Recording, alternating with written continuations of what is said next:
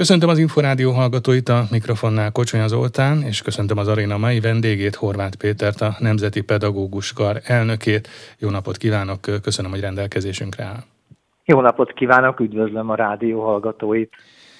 Az oktatást, köznevelést és felügyelő belügyminiszterrel, Pintér Sándorral tárgyalt tegnap a Nemzeti Pedagógus Kar elnökeként.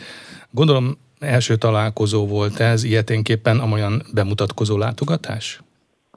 E, igen, e, teljesen jól gondolja a szerkesztő úr. Arról van szó, több dologról is egyszerre, hogy egyrészt e, másik minisztériumhoz került a köznevelés kérdése, másfelől pedig miniszter úr személye is a köznevelés területén új, úgyhogy azt kezdeményeztük, hogy egy bemutatkozás a látogatáson elmondjuk, hogy mi mivel foglalkozunk, miben tudnánk segíteni, és kérjük azt, hogy miben tudunk együttműködni, hogyan tudjuk tartani a kapcsolatot, és hát úgy vettem észre, hogy ez miniszter úr szándékával is egybeesett, és azt gondolom, hogy ha valamiféleképpen bárki egy új területtel akar megismerkedni, hiszen ez miniszter úrnak is egy új terület, akkor általában próbálja megismerni azt a területet, próbál információkat gyűjteni, próbálja kialakítani azt a rendszert, amiben talán annak a területnek a felügyelete a legjobban történhet, és a leghatékonyabban történhet.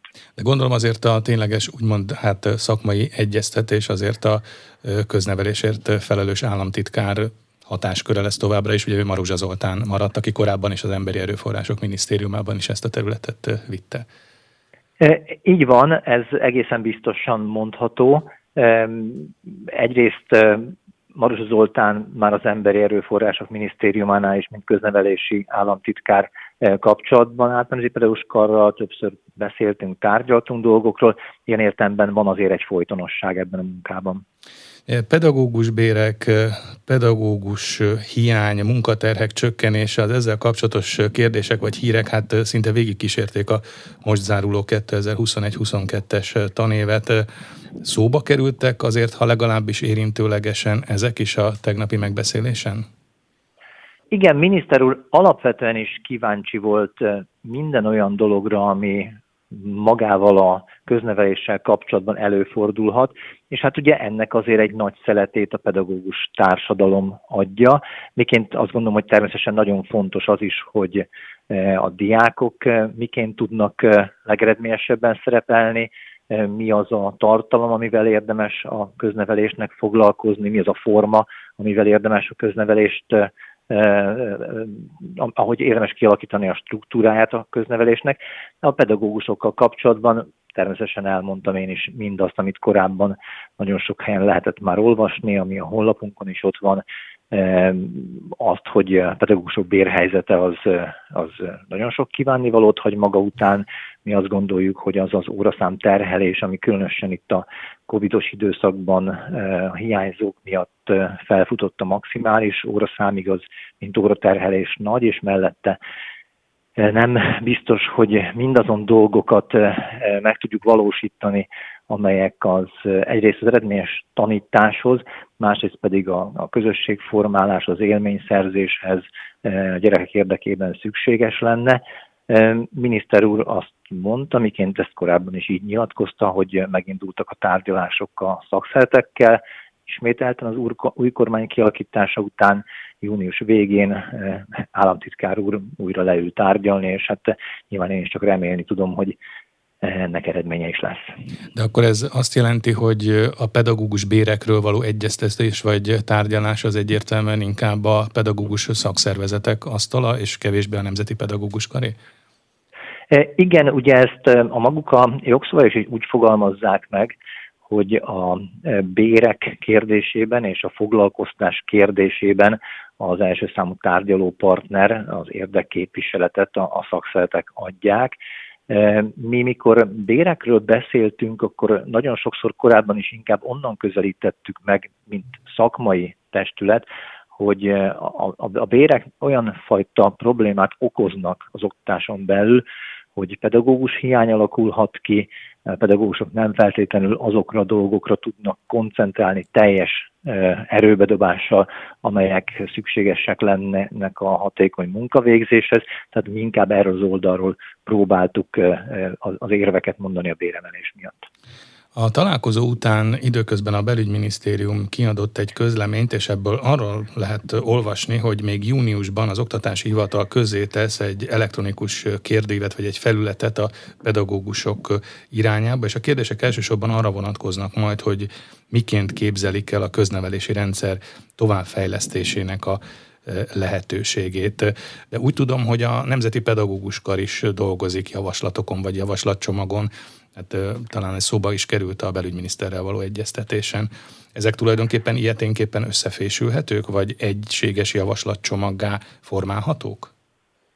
Hát végül is a legvégén azt gondolom, hogy a bárhonnan is érkező javaslatokat valamilyen módon egységbe kell valamelyest, és valakinek nyilván elsősorban a ezért felelős tárcának gyúrni. Konkrétan ez a kérdőív, amit én is hallottam, hogy meg fogunk kapni majd a napokban, és minden pedagógus valóban kitöltheti. Ennek a tartalmáról én nem tudok, nem, nem láttam még ezt a kérdőívet, tehát konkrétan ebben a kérdőívnek a kérdések megfogalmazásában a Nemzeti Pedagógus Kar nem vett részt. Kíváncsian várom én is, de természetesen azt miniszter úr várja, és tulajdonképpen el is várja, hogy a Nemzeti Pedagógus Kar is tegyen majd javaslatokat annak érdekében, hogy hogyan lehet az oktatást esetlegesen hatékony, mert lehet, hogy ez a kérdőív a, a válaszokkal együtt ad egy olyan alapot ezeknek a javaslatnak a megtételéhez, ami, ami nagyon fontos a, a pedagógusok véleménynek ismeretében.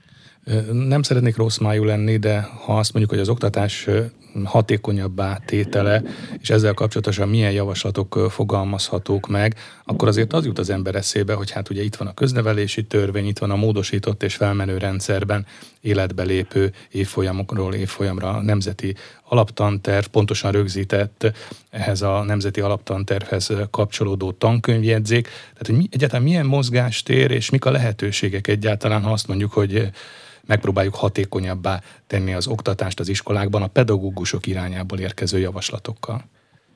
De tényleg őszintén kíváncsi vagyok én is, hogy a kérdőív mit tartalmaz, és a válaszokat hogyan lehet feldolgozni, hogyan lehet ebből valamiféleképpen tényleg egy olyan javaslatcsomagot összeállítani, ami segítheti ezeket a célokat, hiszen tudjuk azt, hogy olyan, tehát szinte bármilyen kérdést, amit mi is a tagságunkkal egyeztettük, próbáltunk megbeszélni, akár csak a küldöttekkel is, olyan kérdés, amire egyöntetű válasz érkezik. Tehát, hogy mindenki pontosan ugyanazt akarja, mondjuk tegyük fel, kívül az, hogy legyen-e béremelés, vagy keves legyen az óraszám, de nyilván ennek a mértékéről egyébként még ezen belül is hát lehetnek eh, eltérő vélemények, illetve akár viták is.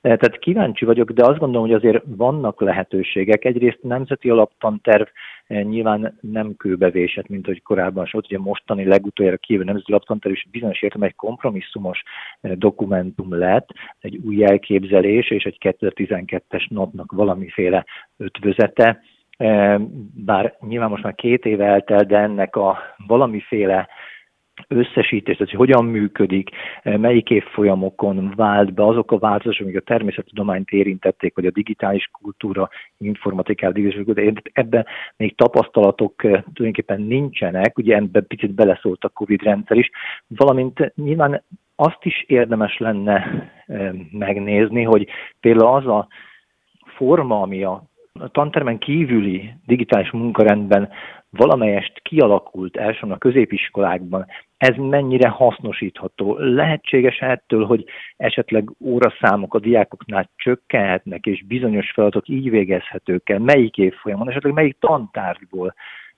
Ezek szerintem mind olyan kérdések lehetnek, amelyek nem hogy gyökeres változást nem hoznak, de apró finomításokkal előbbre léphetünk.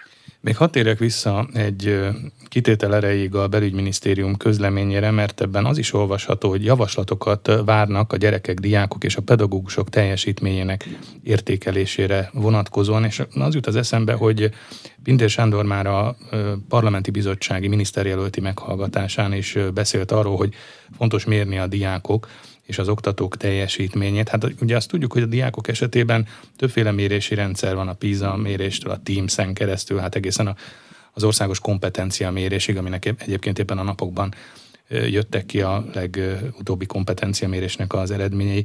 A pedagógusok esetében ez a teljesítménymérés, vagy az erre vonatkozó javaslatok mit lehet, mik lehetnek? Ugye van egy minősítési rendszer egyébként is, ami a pedagógus életpálya modellel már jó tíz évvel ezelőtt elindul, de emellett milyen mérési vagy teljesítményi mutatók lehetnek a pedagógusok körében? Azt gondolom, hogy hosszú idő óta mindenki próbálja megkeresni azt a rendszert, amely bizonyos értelemben adatokra, tényekre támaszkodva valamelyest objektívebben tudnám érni egy adott rendszernek, esetleg egy adott pedagógusnak, egy adott osztálynak, vagy egy adott diáknak a munkáját, a teljesítményét. A korábbi időszakokban ugye akár még különböző vállalati mérési módszerek, minőségbiztosítási eljárások is beszivárogtak az iskolába, és ugye mindegyiknél valamilyen módon az, az egy problémát jelentett, hogy miközben egy termelésben egy folyamat az gyakorlatilag a pici túlzással is, de végtelenszer egymás után ugyanolyan körülmények között megismételhető.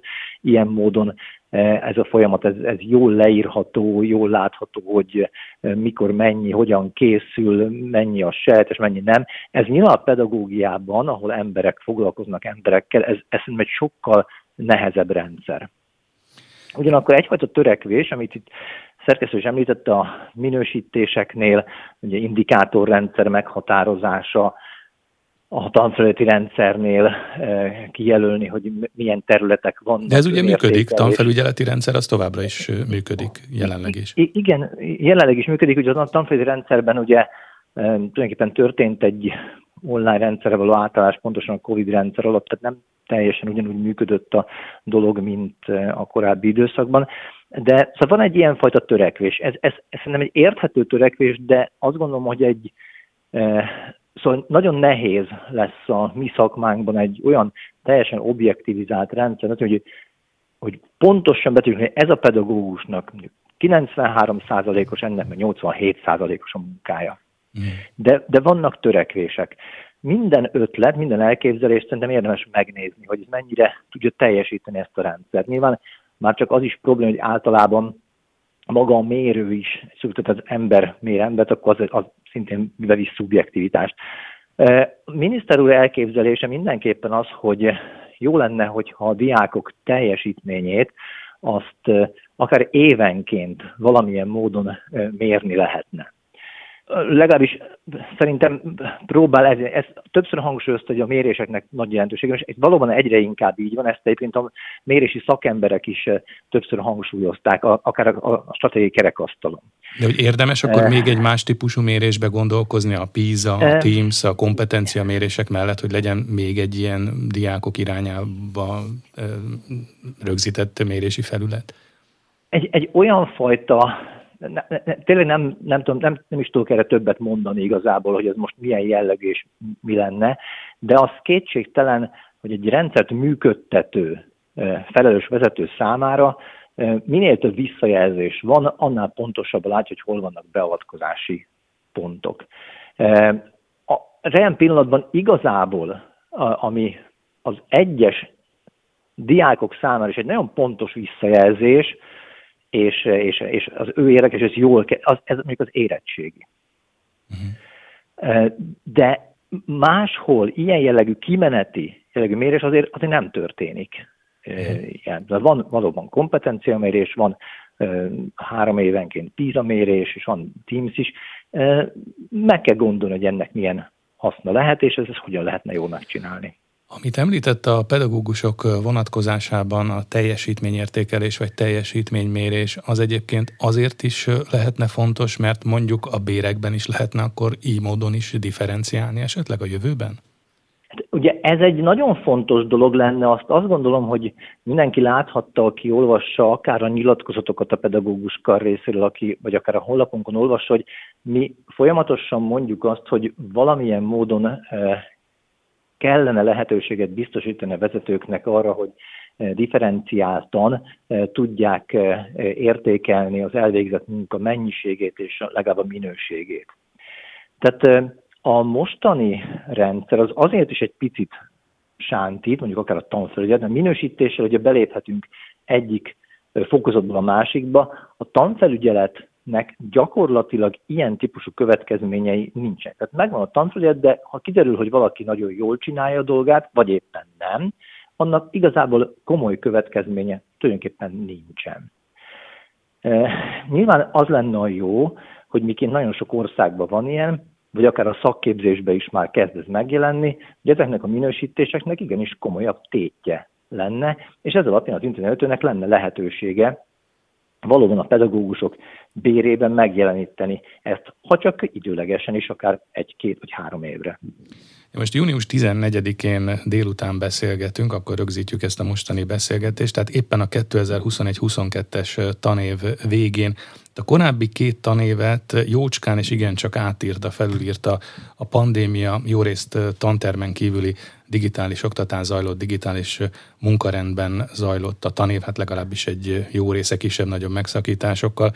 Nem voltak ugye közösségi események, szalagavatók, ballagások, az érettségi is az előző két évben csak az írásbeli formában zajlott. A mostani tanév összegzéseként, vagy visszatekintve erre a most záruló tanévre elmondható, hogy hát úgy nagyjából minden visszatért a régi kerékvágásba, a hagyományos megszokott rendbe az iskolákban? Igen, nagyjából ezt elmondhatjuk, és azt gondolom, hogy ennél igazából örömtelibb esemény szerintem nincsen senkinek sem, hogy minden évfolyamon tulajdonképpen alapvetően központi bezárás nélkül a helyi tényleg körülményeket figyelembe véve tudtuk a tanévet végig dolgozni.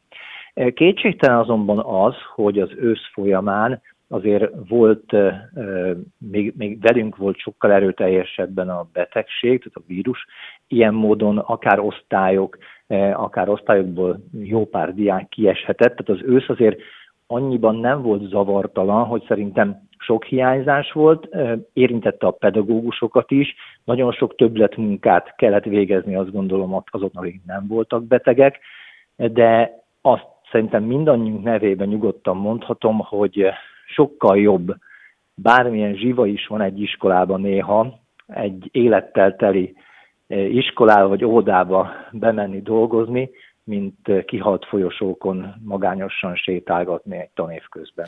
A tanév véget ér, de hát a, az írásbeli, az, írásbeli érettségig is véget értek, de a szóbeli része az érettségiknek még tart, ha jól tudom, akkor a hónap végéig. Mondhatjuk, hogy problémamentes volt idáig az érettségi vizsgaidőszak, és egyáltalán szükség volt azért még némi óvatosságra, valamilyen formában távolságtartásra, higiénés intézkedésekre?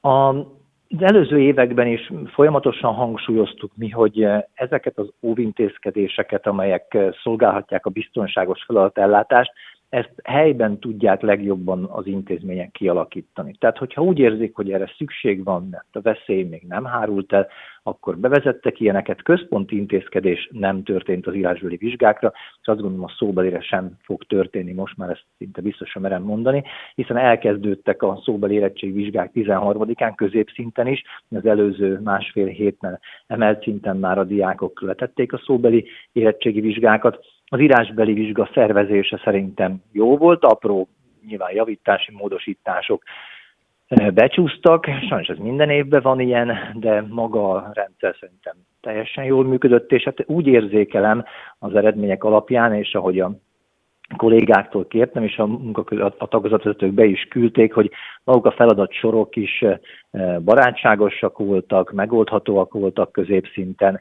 eh, teljesíthetőek voltak a követelmények, ne, nem olyan értelemben elszelenül könnyűek voltak, hogy vegyük figyelembe a pandémiát, de mindenképpen a középszintű érettségi nehézségi foka az el lehet érni a jól felkészült diákoknak a jeles eredményt, és azt gondolom a bukástól nem sok embernek kellett tartani.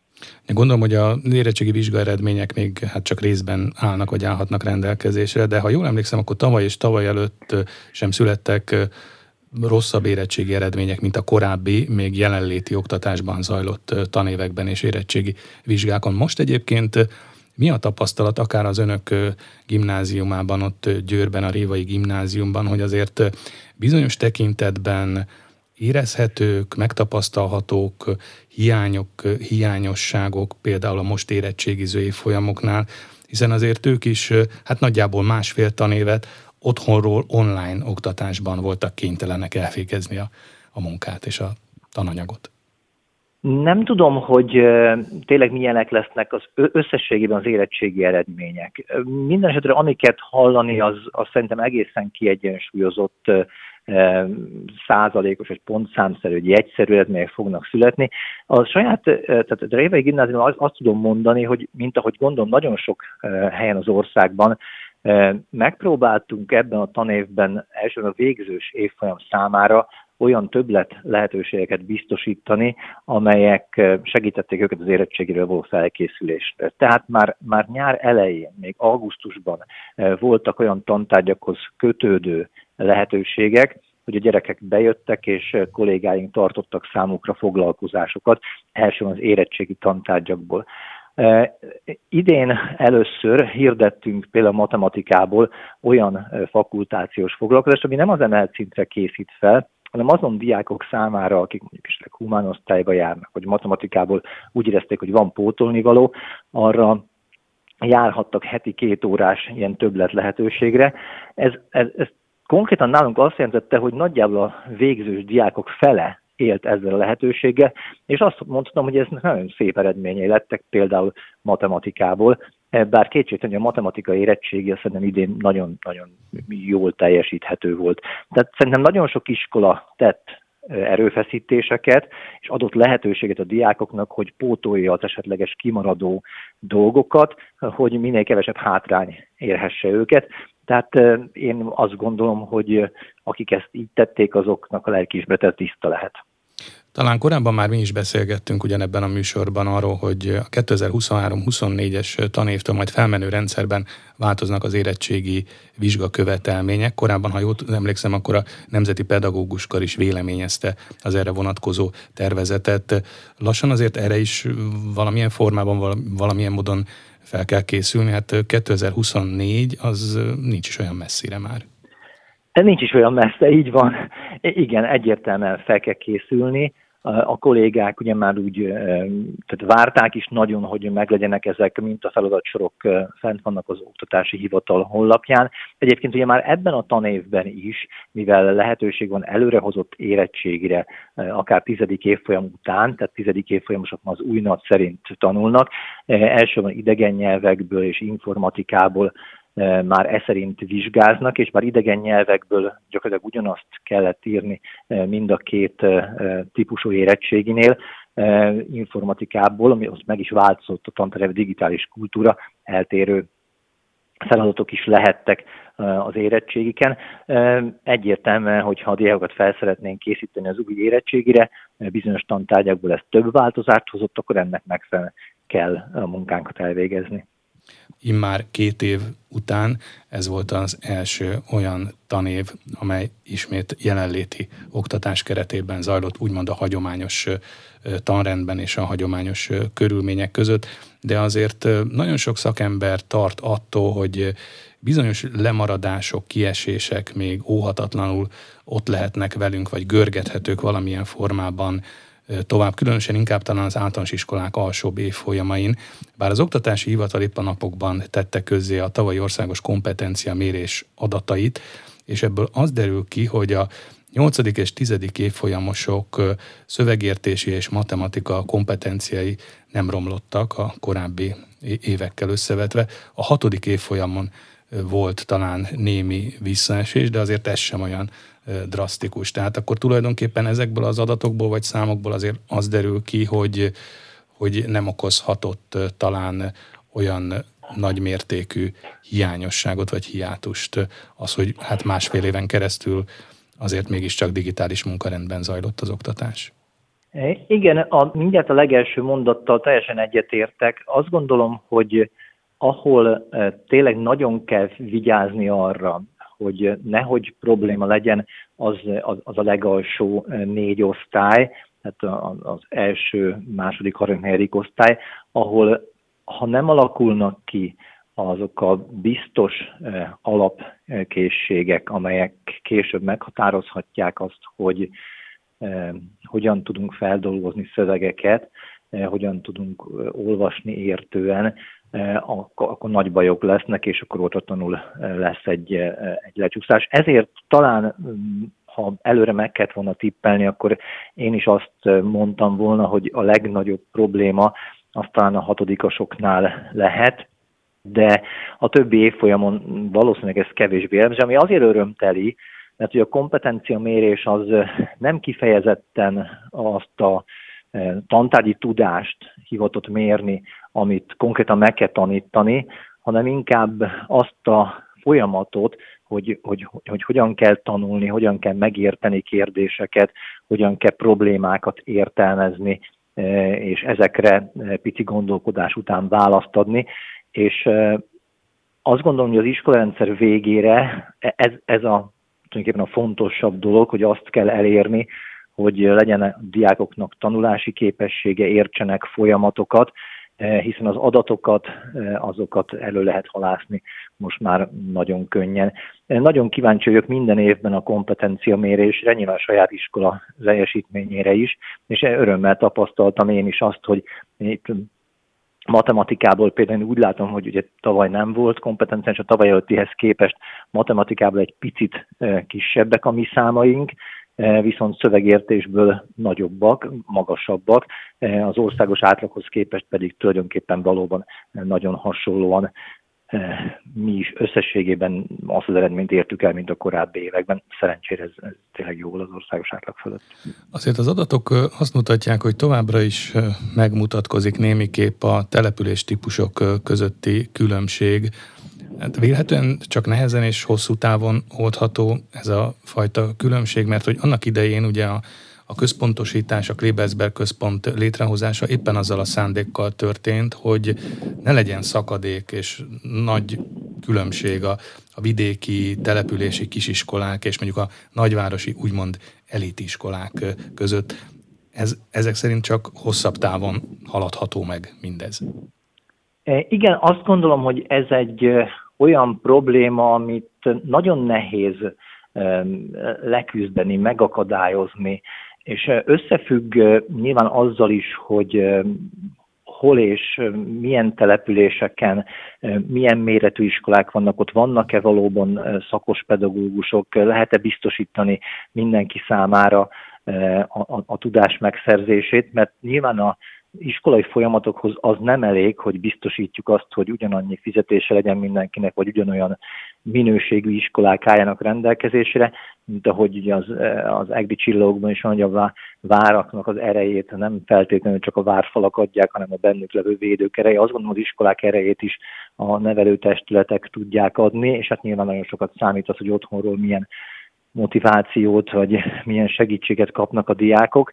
Valóban megfigyelhető az, hogy akár még városokon belül is ugye a, nálunk azért Magyarországon, ahogy a statisztikák mutatják, és a, a kutatások az iskolák között vannak inkább különbségek, tehát valóban elterjed egy városban, hogy ez a jobbak oda viszik a gyerekeket már akár első osztályosokat is, és ilyen értelemben van egyfajta kialakult gyakorlat, hogy mit tart, melyiket tartjuk jobbnak, mert ott esetleg több programot kínálnak, vagy jobb eredményeket érnek el.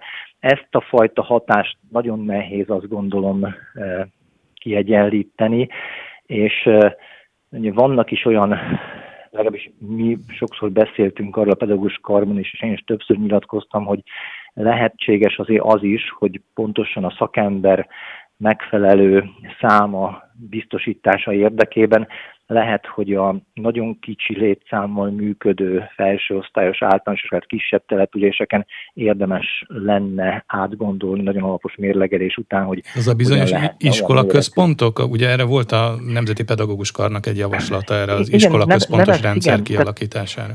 Nevezhetjük ennek is, ugye ez azért nagyon gazdagabb országokban is főként, ugye még ahol nagyobb távolságok vannak is, ott is Nagyon sok esetben nem minden településen működik, különösen felső tagozaton iskola, és a mai világban nagyon megváltoztak a dolgok, tehát lehet, hogy egy kisebb településen esetleg többen is élnek, mégis nagyon sokan bejárnak eleve az emberek is a városba, ők a gyerekeket is beviszik, ezért az iskolák kevesebb létszámmal működnek.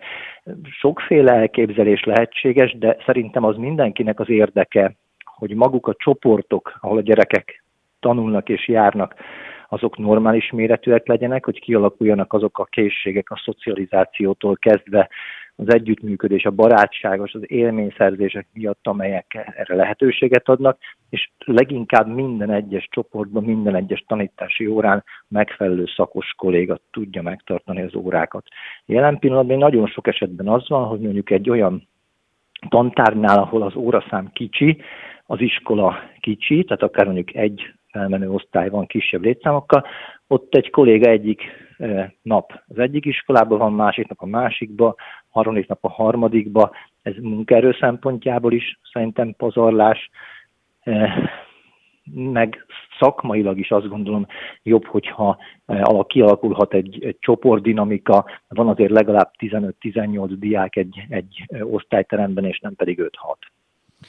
Beszéljünk egy kicsit részletesebben azért a pedagógusok helyzetéről, és hát nyilván, hogy itt megkerülhetetlen a pedagógus bérek, vagy a pedagógus hiány kérdése is, ami már érintőlegesen azért a beszélgetés első részében is szóba került. És hát az is elhangzott, hogy ugye a két szakszervezet, akik egyébként sztrájkbizottságot is alakítottak, a PS és a PDS tárgyal majd az illetékes tárcával bérügyekről, de hát azért a Nemzeti Pedagóguskar is többször jelezte, hogy sürgetőnek tartja a pedagógusok mielőbbi bérrendezését. Nem feltétlenül szeretnék itt számokat kérni öntől, de azért mégis milyen mértékű, vagy milyen léptékű bérrendezésre lenne szükség, akár rövid időn belül, és látnak erre esélyt vagy lehetőséget? Általában azt gondolom, hogy mindenki ott szokta kezdeni, hogy a, egy kezdőpedagógusnak jelen pillanatban, aki az egyetem után eh, elmegy eh, köznevelési intézménybe dolgozni, az, az, annak mik a pozíciói. Eh, hogy teljesen pontos számokat mondjunk, ugye az ő bérüket kellett tulajdonképpen felzárkóztatni a garantált bérminimumhoz, ez 260 ezer forint. És erre jön ez rá, bruttó, ez bruttó, ugye? Ez bruttó, ez bruttó, erre jön rá az a kétszer 10 százalék, tehát összesen 52 ezer forint, vagyis egy kezdő pedagógus, hogyha elmegy egy iskolába mondjuk, a egyetemet elvégezte, 312 ezer forint a bruttó jövedelme, ami körülbelül 200 pár ezer forint nettó. Ugye sajnos a pedagógusok életkora ekkor már többségében olyan, hogy nem tudják igénybe venni azt az egyébként jó kezdeményezést, hogy a 25 év alatti e, fiataloknak nem kell adót fizetni. Tehát sajnos itt is egy picit hátrányban vannak a, azok a munkavállalók, akik mondjuk ezt a szép szakmát választják. Ha abba gondolunk bele, hogy miniszterelnök úr a választások előtt háromszor 10%-ot ígért, akkor körülbelül ez az összeg ha most erre rájön ez a 3 10 százalék, ez kb. 400 ezer forintos kezdőfizetést jelentene. Ez szinte pontosan az az összeg lenne, amely 2013-ban az induló pedagógus életpályán egy kezdő pedagógusnak járt volna. Tehát azt gondolom, hogy ez nagyjából egy elfogadható pozíció lenne. Hm. Hát igen, csak most már nincs szó, nem, említé, nem nagyon történt említés az elmúlt hetekben vagy hónapokban erről a 3x10%-os béremelésről. Ez ugye valóban a, még a választásokat megelőzően erre vonatkozóan voltak ígéretek, illetve hozzátéve azt, hogy ezt uniós forrásból szeretnék valamilyen módon megoldani. Most viszont a nyilatkozatok szerint az uniós források fejlesztésre, beruházásokra mennek, amennyiben lesznek egyáltalán uniós források és a pedagógusi béremelés pedig a gazdasági helyzettől és a gazdaság teljesítményétől függ, vagyis jelenleg azért ígéretek és számok nem nagyon hangzottak el. E, igen, én úgy tudom, hogy az uniós forrásoknál van az unióval egy megállapodás, hogy e, e, van két külön szakma, amivel lehet a béremelést erről, de ezt nyilván én nem tudom pontosan, nem voltam ott, nem láttam a szerződéseket Minden esetre én csak azt mondom el, hogy mi lenne az, ami visszaállítaná nagyjából a 2013-as állapotokat. De ott szakadtak el egyébként, vagy szakadtak le a pedagógus bérek? Mert hogy ugye... 2014, a, a, igen, és ugye, 14-es minimálbéren fagy. És ugye van ez a sokat emlegetett vetítési alap, és ugye ez nem a mindenkori minimálbér, ez kapcsolódik. Nem, ez a, ez a 2014-es minimálbér. Uh-huh. Ez a bizonyos 101.500 forint. Igen, ott akadtak el tulajdonképpen ez a fajta társadalmi standardhez való kötése a pedagógus béreknek, ez valóban ott akadt meg. Tehát még egyszer ez a... Tehát, ez hogyha most a, a vetítési alap ez a mindenkori minimálbér lenne, akkor jönne a pályakezdő pedagógusok forint, esetében igen. nagyjából ez a 400 ezeres... Igen, hiszen, hiszen 200 ezer forint a, a, a, nagyjából a, a minimálbér, és ez pontosan a kétszerese lenne, ami az akkori e, ígérvény volt. Kétségtelen viszont az is, hogy hát dühöng az infláció, és hát e, nyilvánvaló, hogy egy egyszeri 10% az nyilván mindenkinek, nem csak a pedagógusoknak, de az nagyjából arra lenne elegendő ebben az évben úgy tűnik, hogy ezt az inflációt egyenesítse ki. A pedagógusok helyzetéről beszélünk, akkor azért érdemes kitérőt tennünk a munkaterhek vagy a munkakörülményekkel kapcsolatosan is, hiszen egyébként a szakszervezetek tárgyalásain is a bérek mellett ez az egyik fontos kitétel. Jelesül az, hogy heti 22 órás kötelező óraszámot szeretnének a szakszervezetek. Most ez mennyi egyébként jellemzően? Ugye a jogszabályok szerint a pedagógusok munkaideje ugyanúgy, mint a többi más dolgozó, 40 óra. Ebből a kötelező tanítási óráknak a száma az 22-26 között lehet. Tehát ez az, amit kötelezően tanítani kell. Van, aki heti 22 órát tanít, van, aki heti 26-ot, de ez ugyanazt a bért eredményezi, hogyha két ugyanolyan korú és ugyanolyan kategóriában levő pedagógusról van szó, még attól sem függ, hogy milyen tantárgyat tanít, egész osztályt, csoportbontással, stb. Tehát ez az, amit szerintem differenciálás nélkül nehéz azért jól értelmezni.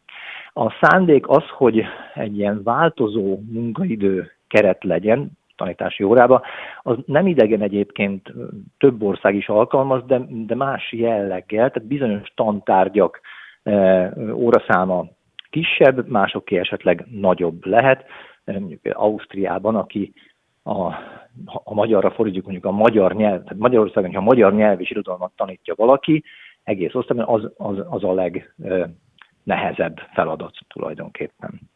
De a differentes nem így történik. 22-26 között van, és erre jön rá az a munkaidő, amelyet sokszor sokan elfelejtenek, hogy ezekre az órákra azért főleg egy kezdőpedagógusnak nyilvánvalóan fel kell készülni, Nyilvánvalóan értékelni kell a diákokat, és ki kell javítani a dolgozatokat, számonkéréseket.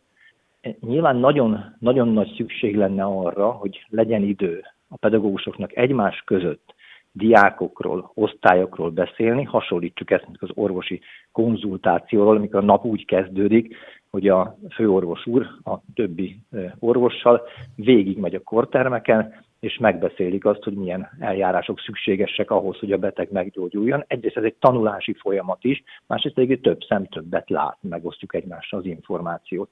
Ez jön, és, és, a, és a sokadik dolog, ami bele kell, hogy tartozzon, az, hogy azt mondom, mindenkinek az elvárása az, hogy azért ne csak tanítás legyen, ne csak tananyag legyen, hanem azért legyenek programok az iskolába. Ettől lehet minden iskola, mondjuk a klasszikusan, amit szoktunk régen mondani, hogy a második otthon.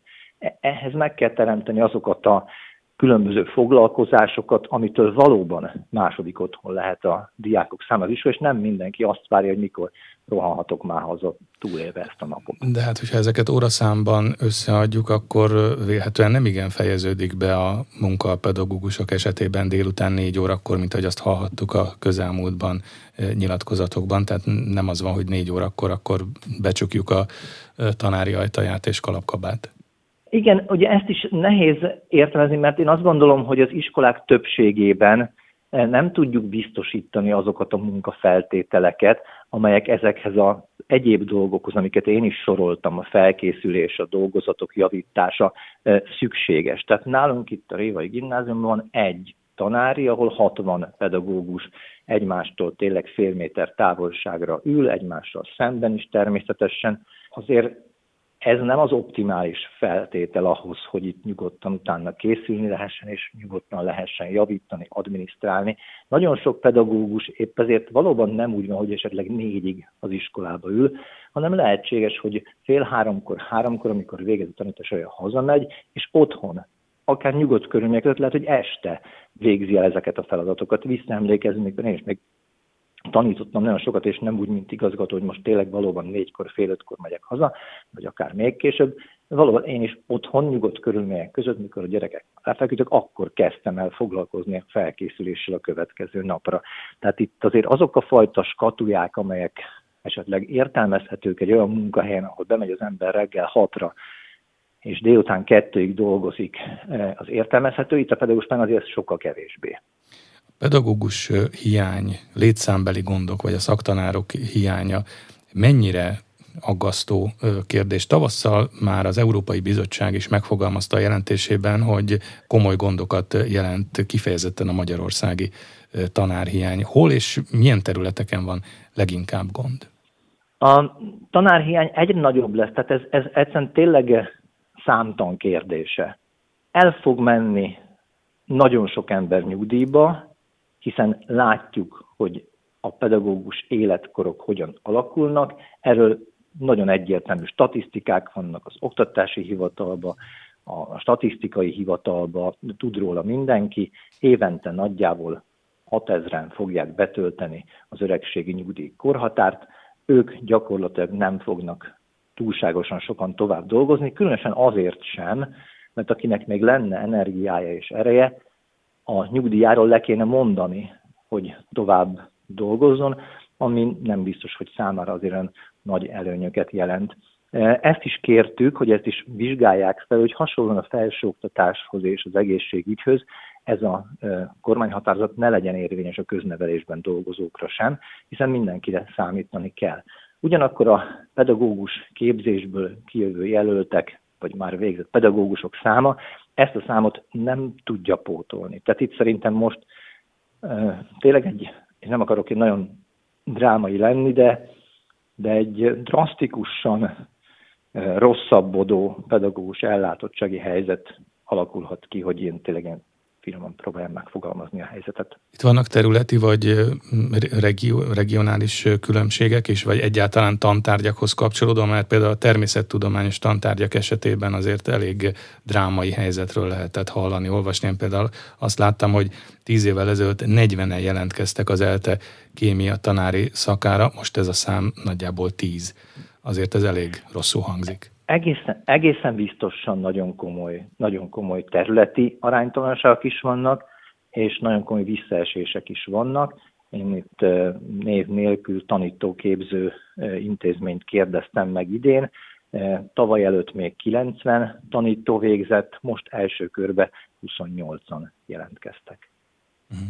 Tehát mind, ne, már nagyon nehéz mondani, azt gondolom olyan szakot vagy pedagógus végzettséget, ahol ez ne, ne érintené eh, valahol az ország valamilyen részén eh, az intézményeket, de ha szakra bontjuk, akkor valóban egyrészt a természettudományok, másrészt azt gondolom, hogy a nagyon nagy mértékben megnövekedő informatikához köthető digitális kultúra tantárgyhoz szükséges informatikai végzettség rendelkező pedagógusok szerintem nagyon komolyan hiányoznak a rendszerből.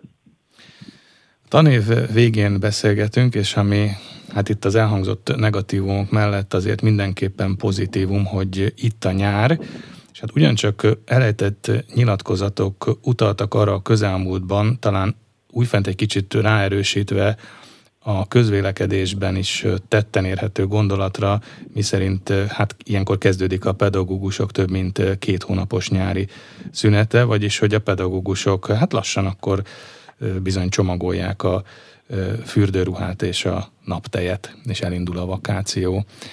Hogyan kommentálná ezt? Nagyon nehéz megint egységes véleményt mondani erről, de nem biztos, hogy jók ezek a megjegyzések. Tehát azt kell tudni, hogy a tanév szeptember 1-től június 15-ig tart a diákoknak.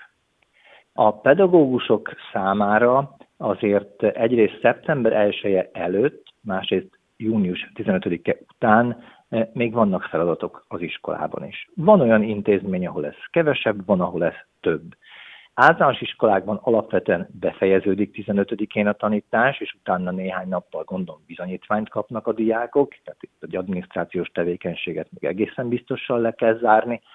Biztos, hogy nagyon sok általános iskolában, vagy konkrétan azon a helyen, vagy összevontan napköziket kell szervezni azoknak a diákoknak, akik elsőben az alsó tagozatra járnak, és a szüleik nem tudják megoldani a felügyeletet, és nagyon sok iskola szervez különböző táboroztatásokat, pontosan ezen diákok számára, vagy azok számára, akik szeretnének olyan élményhez jutni, amik évközben talán nehezebben férnek hozzá. Legyen ez sport, vagy kulturális, néptánc, vagy zenéhez kapcsolódó táborozások. Középiskolákban pedig, ezt nyilván mindenki tudja, és már el is, el is hangzott, hogy az érettségi időszak kezdődik ilyenkor, egészen június végéig tartanak az érettségig, a közismereti tantárgyakhoz kapcsolódók és a szakmai érettségig is a szakmai vizsgákhoz kapcsolódóan, ez június végéig tart, utána értékelni kell a tanévet, és általában azért augusztus 20-a után már az iskolákba megjelennek a pedagógusok, az alakuló értekezlet megtörténik, felkészülés a következő